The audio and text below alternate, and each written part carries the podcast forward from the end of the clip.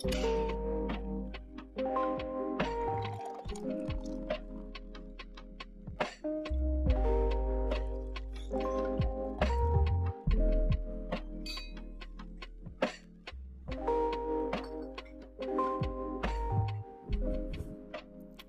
já bych možná navázal a už udělal jakoby takový poslední okruh toho podcastu, jsme jako dlouhý. Uh, já se vsadím, že jakoby hodně lidí, ne, že by to takhle jakoby vnímalo, třeba jako vyloženě nemají tu možnost tam odjet, prostředky, hm, přesně jakoby čas, možnost, ať už kvůli rodině nebo kvůli jako něčemu jinému, ale naťuknul si a vyprávěl si jako uh, uh, jak si pomáhali tady z Česka, ať už ta finančně nebo na tom jako hlavním nádraží, Měl bys ještě tady nějaké jako doporučení, jak takhle moc, eh, jak takhle člověk vlastně může pomáhat jako bez Česka, případně jako kam se vyplatí to spíš posílat, nebo na jaký ty účely a takovéhle věci? Tak, eh, díky moc za tuto otázku.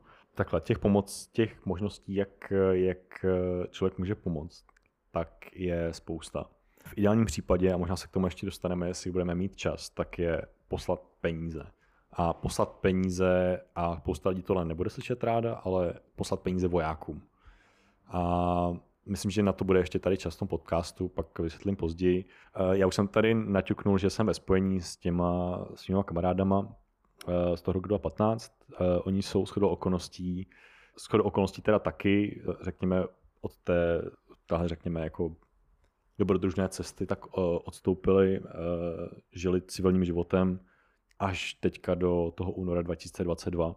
A teďka konkrétně ten, eh, ten jeden človíček Pete, tak stoupil, eh, ten, ten mimochodem měl docela štěstí. Ještě na taková side note. On byl pořád formálně rezervista v Azovu a v pátek, vlastně 25. února, den po té invazi, tak on měl naplánováno, že měl jít na pohotovost do Mariupolu. Nicméně invaze se stala den předtím, takže on vlastně byl jeden z mála lidí z Azova, kteří jsou teďka mimo Mariupol a kteří pravděpodobně přežijou z toho celého vlastně praporu. Takže on jeden, jeho vlastně zachránila tahle ta, řekněme, administrativní náhoda, že někdo ho zapsal do Excelové tabulky, jako že má přijet až 25. a ne předtím. Kdyby, kdyby přijel den předtím, tak zůstane v Azovu, zůstane v Mariupolu a možná už teďka ani není.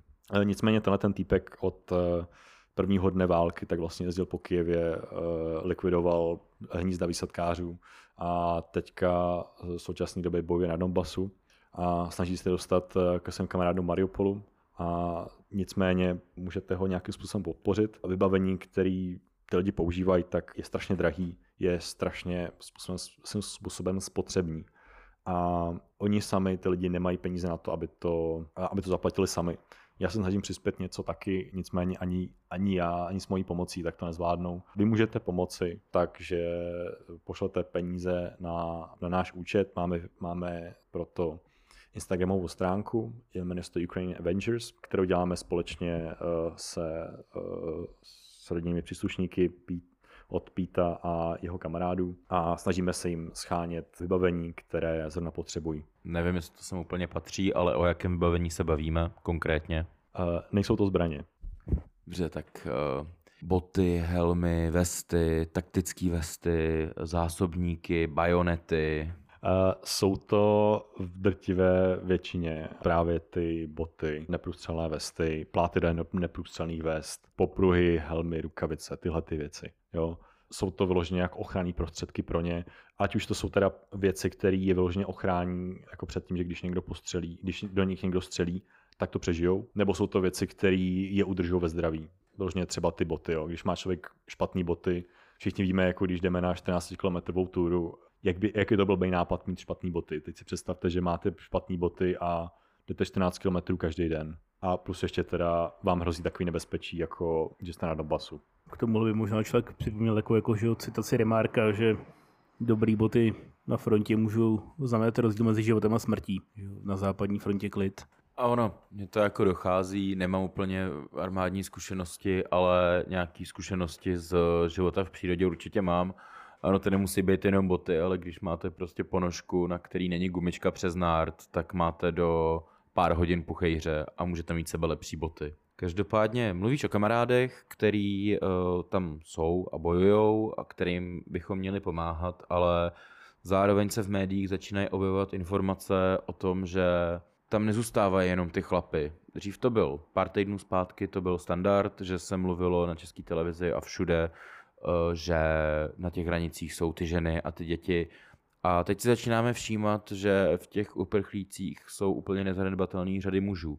Eh, proč si myslíš, že, nebo možná nejenom myslíš, ale co je jako zatím, že mladí chlapy nezůstávají na té Ukrajině, ale cestují sem, a nebo ty, kteří už tady jsou, tak proč se nerepatriují a nejdou bojovat? To je hodně dobrá otázka. A myslím, že spoustu lidí v naší společnosti to si klade automaticky bez toho, aniž by, uh, aniž by se vlastně nad tím, nad tím pořádně zamyslela. Ono teda pozornému posluchači neunikne, že už se na to do velké míry odpověděl, ale když to zazní ještě jednou, já si myslím, že to nebude na škodu. Uh, to, je, to je pravda, myslím, že tohle bychom zrovna měli zmínit. Je tam několik důvodů. Tím důvodem, kterým jsem zmínil jako, uh, jako první už vlastně předtím, pro pozorné posluchače to budu opakovat. Ukrajinská armáda má teďka příliš mnoho lidí. A nejde jenom o to, že jsou to lidi, kteří jsou na frontě, kteří bojují, ale má i, má uh, i příliš mnoho lidí, kteří jsou v zázemí. A nemá prostě pro ty lidi využití.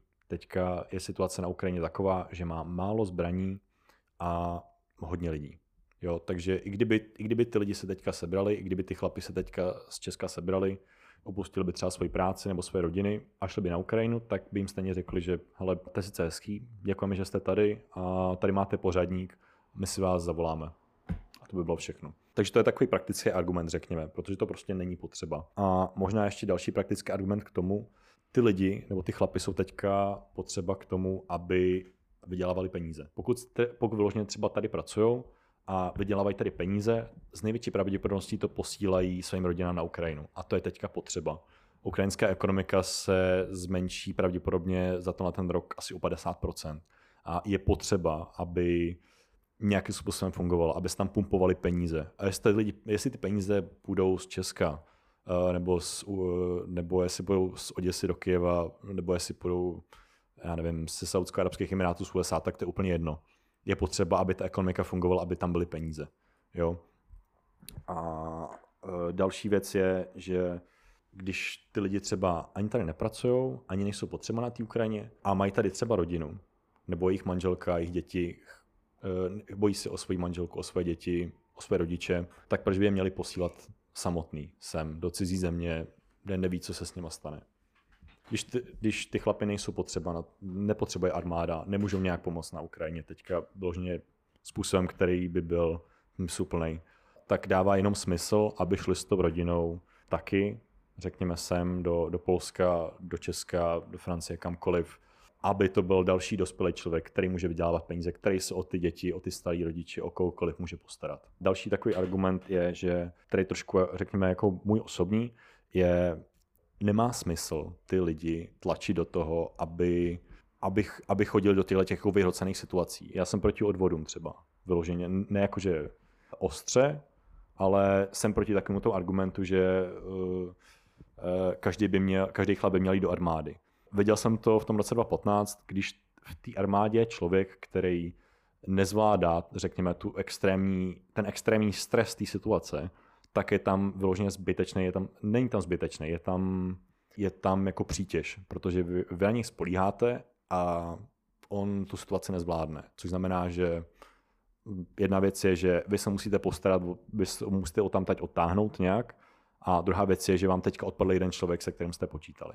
A je lepší prostě mít menší skupinu, na kterou, může, na kterou se můžete spoléhat, o kterou, která se o sebe postará sama, než mít dvakrát větší skupinu, u který si nejste jistý, uh, jestli když než zatlačíte, tak sám nesesype. A teďka to nemyslím, že by to bylo něco špatného, že prostě někdo tu situaci, ten extrém, toho extrémního stresu nezvládne. Prostě jako lidi jsme různý, já to beru tak jako, že někdo se prostě narodí barvoslepý, někdo ne. Prostě jsme jaký jsme a není to podle mě, není to podle mě žádná slabost, je to prostě je to prostě přirozenost. Jako, jak, jsem, jak jsem říkal, nemyslím si, že by to bylo, že by to bylo něco špatného. Myslím si, že člověk se s tím letím rodí. Zase nemám to jako nějakým způsobem potvrzený a možná se pletu, protože jsem to ani uh, nikde jako nestudoval. Takže neberte mě za slovo, prosím. Nicméně, jak jsem říkal, neberu to jako nic negativního, že bych se jako musel koukat na někoho z vrchu, že já v téhle, já tuhle situaci zvládnu a ten druhý ne. To jako, takhle kdyby jsme se koukali na každého, kdo jako uh, něco nezvládne, tak bychom asi jako společnost daleko nedošli. Hele, když už jdeme jakoby debankování nebo jakoby komentář k tím jako výrokům, který jako často zaznívají ohledně, ohledně té války na Ukrajině, uh, tak další z takových komentářů, který jako celkem často zaznívají, nebo který jsem jakoby pochytil, tak je i jako takový v fotovkách argument, nebo prostě taková hláška, hele, jako když jim teďka budeme posílat ty zbraně a všechno, tak tím vlastně tu válku jenom jako prodlužujeme a ve finále se tím jakoby prodlouží jako utrpení i těch jakoby obyčejných lidí a podobně, než kdyby se to prostě jako uh, ta válka byla jako rychlá, ať už na jednu jako nebo na druhou stranu. A ten argument mi přijde jakoby poměrně i takový jako vzácný v tom ohledu, že to nejde jenom taková ta jako pátá kolona, kterou si jakoby asi běžně prostě jako naši posluchači jako představí, nebo eh, podporovatelé různých jako stran hnutí, eh, který asi máme jako zafixovaný společně s těma, těma výtkama vůči třeba těm uprchlíkům a podobně, ale zároveň ho celkem jakoby využívá i taková ta víc humanitně nebo víc pacifisticky jako zaměřená strana společnosti, Hele, jak bys pokomentoval tohleto? Tohle bude možná trošku delší odpověď, ale zkusím to, zkusím to schrnout. První věc, jak jsi říkal, spoustu lidí má pocit, že posílání jakýkoliv vojenského materiálu na Ukrajinu tak prodlužuje tu válku. Já bych na to řekl, že řekl takovou věc, kterou říkají na Ukrajině. Eh, na Ukrajině je takový řečení, eh, když Rusko přestane bojovat, tak skončí válka. Když Ukrajina přestane bojovat, tak skončí Ukrajina. A já myslím, že to je docela přesný asi s, uh, myslím, že máme tady po dlouhé době nějaký jako válečný konflikt, nebo ano, řekněme válečný konflikt, který se nás hodně týká, kde je to hodně jasný, kdo je ten dobrý a kdo je ten špatný. Rusko zcela jednoznačně napadlo Ukrajinu a myslím, že Ukrajina má právo se bránit a my bychom to měli jako demokratický stát, eh, který uznává, řekněme, nějaký jako principy mezinárodního práva nebo nějakého řádu mezinárodního, eh, měl bychom je nějakým způsobem podpořit. Co se týče, jak jsi říkal, tohle to většinou vyznává ta, ta pátá kolona, řekněme, kterou tady máme, asi nebudeme úplně jmenovat, všichni víme, o koho jde, minimálně politicky. Ty jsi i naznačil, že některý, řekněme, humanitně zaměřený lidi, tak nicméně tenhle ten názor sdílej, což mě trošku jako mrzí. No takhle, řeknu to na rovinu, mě, mě to hodně mrzí. Uh, nicméně chápu docela ten pohled, člověk jako nechce posílat zbraně někam, protože zbraně primárně někoho zabíjí, samozřejmě. To prostě člověk, eh, to chápu, že člověku se to, se to nechce dělat. Nicméně člověk by samozřejmě radši podpořil, pomohl nějakým maminkám eh, na útěku s dítětem a tak podobně. Nicméně zase dostanu se k tomu, jak mi to říkali, jaký, jaký mají na to pohled lidi na Ukrajině. Samozřejmě, že vy můžete pomoct té mamince s dítětem. Tady. Ale bylo by daleko lepší, kdybyste dali těm vojákům zbraně, náboje, vybavení, aby ty maminky s těma dětma vůbec nemuseli utíkat nikam. Aby je ty vojáci mohli uchránit. A já chápu, že je to nepříjemný, nebo že to může být nepříjemný pro někoho. Nicméně ta realita je taková, jaká je. Když ty vojáci nebudou mít zbraně, nebudou mít vybavení, nebudou mít prostředky na to, jak, jak ubránit Ukrajinu, tak nebudou moct uchránit ani ty matky s těma dětma.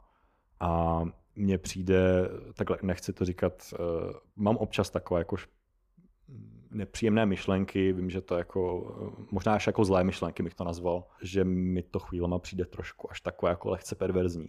Že radši, radši bychom nechali, aby, nechali ty maminky s dětma, aby, a, aby teda museli utéct z té Ukrajiny, aby jsme potom uh, aby jsme potom mohli podpořit tady a říct si, jako, že jak jsme skvělí v tom, že podporujeme uprchlíky, ale to, aby jsme tomu zabránili, vlastně, aby jsme dali těm vojákům zbraně, aby ty maminky a děti nemuseli utíkat, tak to nechceme udělat. Je to svým způsobem trošku, mm, trošku perverzní, trošku jako nepříjemný a nechci teda jako na nikoho ukazovat prstem, že jako je to špatný, že chcete podporovat, že chcete pomáhat maminkám s dětma. Jo. Eh, samozřejmě každá pomoc, kterou pošlete, ať už to uprchlíkům nebo ukrajinská armádě, tak je, tak je super a uh, já i Ukrajinci jsou za to strašně vděční. Nicméně, jestli opravdu chcete uh, reálně pomoct Ukrajincům i těm maminkám s dětma, tak je lepší to poslat těm, eh, těm vojákům na zbraně, na náboje, na průstřelné vesty, na helmy a tak podobně.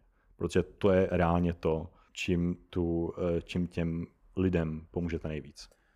To se dostáváme zpátky k tomu, co jsme říkali, že ty rozhodnutí, které se nám třeba nelíbí, dokážou dělat jenom ty nejsilnější z nás. Každopádně, co je důležité zmínit, že právě každý má právo na to uh, vybrat si ten typ pomoci, který sám uzná za vhodný, protože nevěřím tomu, že v současné době jsou na trhu s humanitární pomocí nějaký uh, organizace, které by to vysloveně zneužívaly a které by s tím dělali něco vysloveně špatného.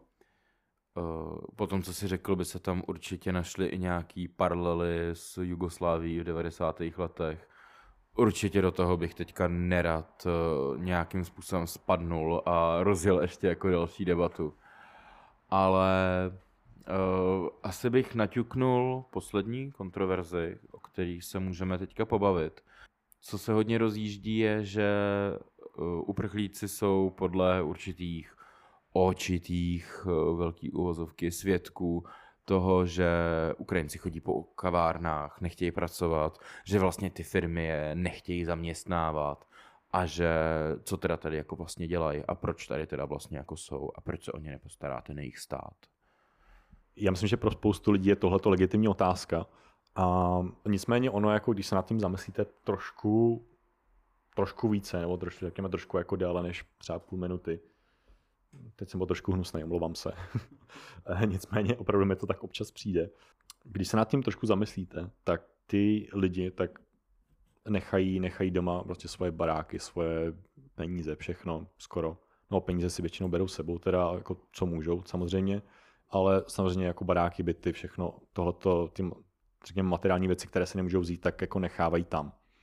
A teďka je problém, že oni neví na jak dlouhou dobu se, jsou tady v Česku nebo v Polsku. Na jak dlouhou dobu budou uprchlíci, jestli se, budou, jestli se vrátí zpátky za měsíc, za týden, za rok, jestli se nevrátí zpátky nikdy. A neví to oni a neví to ani ty firmy. Jo, a e, v tu chvíli e, je pro vás těžký hledat si nějaký zaměstnání, protože vzhledem k tomu, takhle, kdo z nás třeba nebyl aspoň na brigádě, asi to nikde ne, jako není tak, že byste přišli do obchodu a řekli byste, jo, já chci začít dneska odpoledne, jo, můžete. Výplata je za týden. Uh, jo, takhle to prostě nefunguje. Ten proces v Česku tady, kdy začnete, začnete pracovat, tak trvá trošku déle. Není to proces jako na týdny, je to spíš proces jako na, řekněme, jeden, dva měsíce. A ve chvíli, kdy vy nevíte, co bude za 14 dní, za měsíc, jestli se nevrátíte zpátky domů, tak je poměrně těžký najít si nějaký zaměstnání a i ty zaměstnavatelé nechtějí zaměstnávat Ukrajince právě z tohoto důvodu. Oni nechtějí trénovat někoho, kdo jim za třeba měsíc řekne, že hele, sorry, já se vracím domů. A co se týče toho, že uprchlíci chodí po kavárnách nebo restauracích nebo uh, nepracují a flákají se, řekněme, tak zase, když jste uprchlík, tak samozřejmě nechodíte do práce. Jste v nějakém uprchlickém centru nebo v nějakém ubytování a nemáte moc co dělat. Jo. Jste pod velkým stresem, protože jste právě utekli, i kdybyste neutekli z, řekněme, nějakých horkých oblastí, a kde se ostřeluje a takhle, tak je to pro vás velký stres, protože necháváte vlastně celý svůj život doma a utíkáte do cizí země, kde jste třeba v životě nebyli. A třeba utíkáte s rodinou, s malýma dětma a pro ty uh, malé děti, pro tu rodinu je to strašně velký stres. A jeden stres je k tím, a samozřejmě jako když neděláte nic, Eh, nemůžete sehnat práci třeba, tak ten stres je o to větší, protože nemáte nad čím přemýšlet. Můžete přemýšlet akorát nad tím, co jste doma nechali.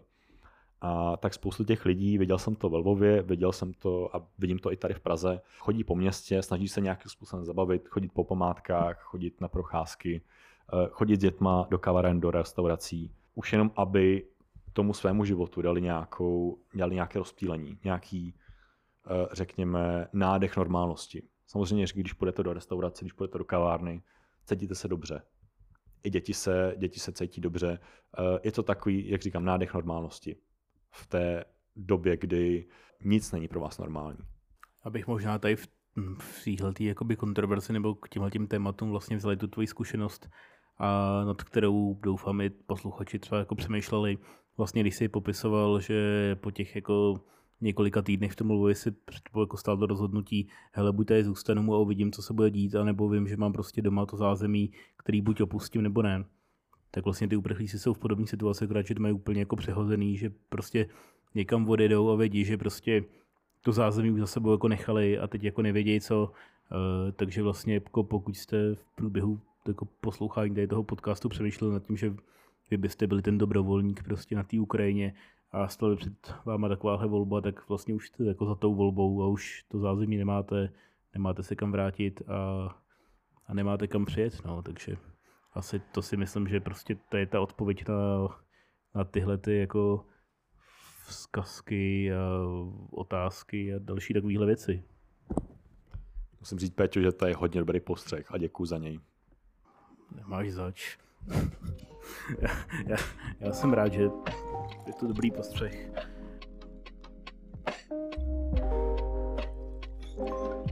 Nás teda zrekapitulujeme, jak se může directly nějak pomoct? Jo, já myslím, že to je, to je dobrá věc na závěr. Jak jsem říkal, mám kamaráda Píta, který teďka po 8 letech opět vzal zbraň do ruky a bránil své rodné město Kiev. Teďka uh, odjel na Donbass, kde uh, se snaží dostat opět se svými kamarády do Mariupolu a osvobodit Mariupol. My jsme pro něj založili s kamarády uh, stránku na Instagramu, kde ho chceme podpořit. Uh, jmenuje se to Ukraine Avengers. Uh, jsou tam způsoby, jak můžete poslat peníze přímo Pítovi na vybavení nebo jeho kamarádům Eh, schaníme teďka nově eh, keramické pláty do neprůstřelných vest. Jak se liší keramické pláty od, ne, od eh, kovových plátů?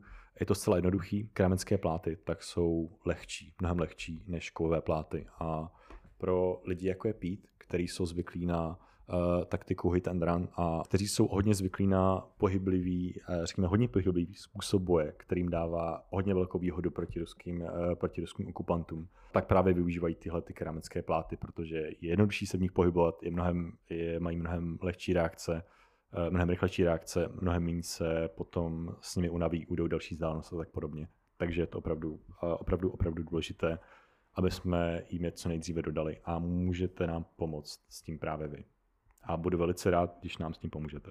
Co je možná fajn zmínit je, že ty pláty nejsou věc, která jako zrezne a dá se vyhodit, ale jde prostě o to, že je to jednorázový.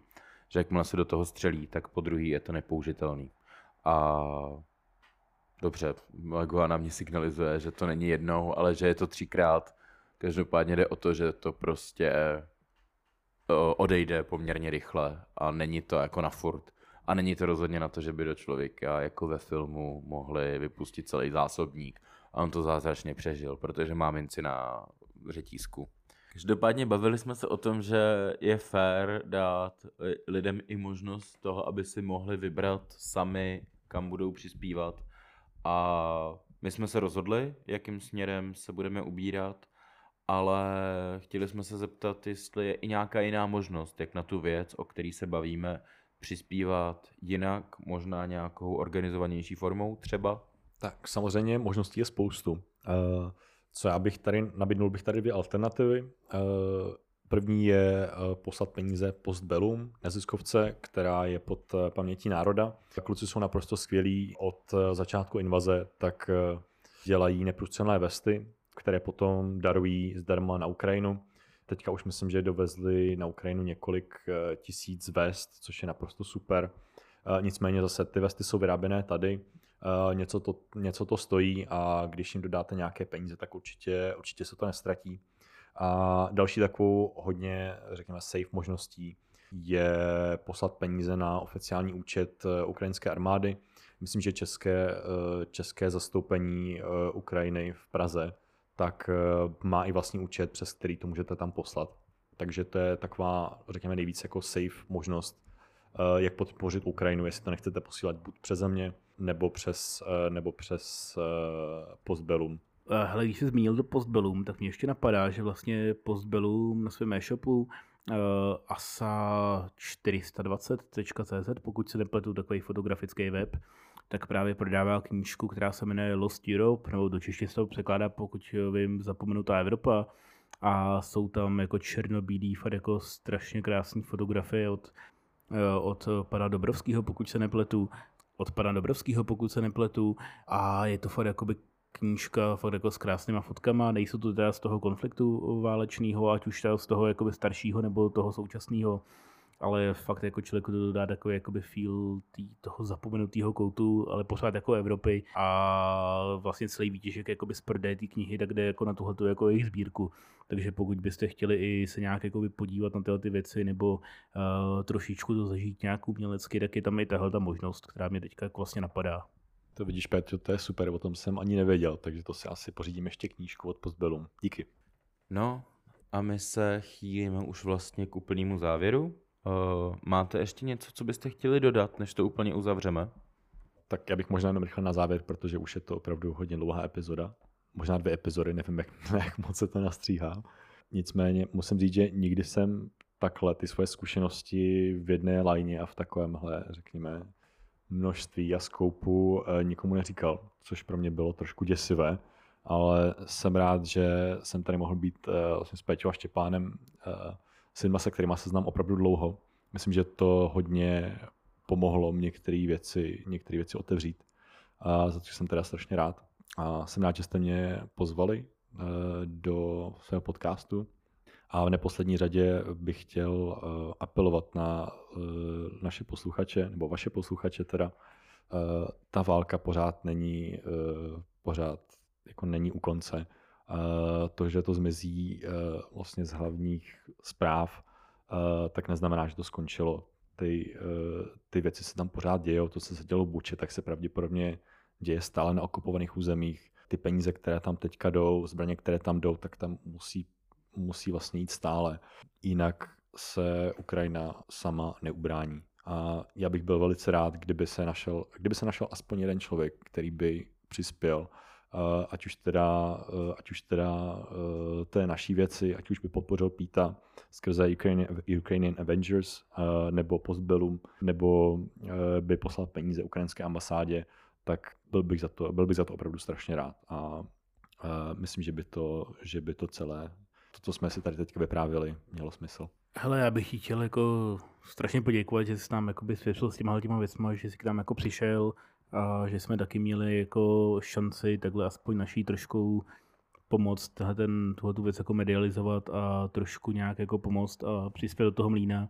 A připojil bych si tak ty výzvy, ať jako lidi jako neutichávají v té podpoře a protože ta válka jako zdaleka není vyhraná a pokud ta Ukrajinci mají zastavit všechny ty zvěrstva, které se nepochybně na těch okupovaných územích dějou, stejně jako v té Buče a podobně, tak nejenom, že prostě ten zbytek Ukrajiny musí ubránit, ale musí i tyhle ty území jakoby vlastně zpátky dobít a ve vojenské terminologii obecně platí, co jsem tak pochytil, takže abyste dobili zpátky nějaký území, tak potřebujete převahu 3 k 1 oproti tomu, kdo jí vlastně brání, což teďka jsou ty okupační vojska ruský. Uh, takže i přes všechnu tu velkou vojenskou pomoc západu a takový a všechny tyhle ty věci, tak uh, ta válka jako zdaleka není vyhraná a zdaleka není jasný, že se tyhle ty území jako dostanou zpátky. A myslím si, že fakt jakoby každý, každý kousek jako pomáhá, každý prostě plátek kevlaru nebo keramický vložky do té průstřední vesty pomáhá, takže prostě bych vás tak rád vyzval, ať prostě, prostě pořád jako pošlete něco a pořád jako to nenecháte jako usnout. Leguane, já ti taky hrozně moc děkuju. Ač to bylo fakt náročný, tak jsem si to svým způsobem docela užil. Dozvěděl jsem se spoustu věcí, o kterých jsem absolutně neměl žádný tušení a nedovedu si je představit ani teď, po tom, co jsem je docela barvitě vylíčil. My jsme Péťa se Štěpánem a rád bych jenom zmínil, že to, že ten podcast vychází na této platformě, touhletou formou pod hlavičkou tý Miroslavy, neznamená, že celá Miroslava, že celý ten, ten spolek se stotožňuje se všemi, dejme tomu, názory, které tady zazněly.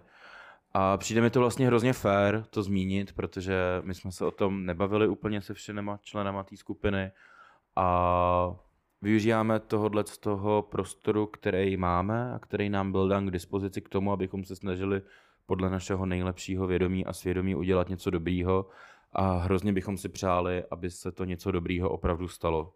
A pokud by měl někdo jiný představy o tom, že se dobré věci mají dělat jinak, tak eh, tohle to není, není zástupný názor všech těch lidí, který za tím, že my vůbec tenhle ten podcast můžeme vydávat, stojí, ať už v současnosti, anebo historicky od vzniku našeho studentského spolku Miroslava.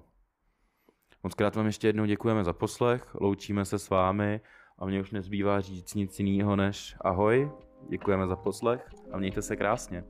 Ahoj, mějte se hezky. Ahoj, čau.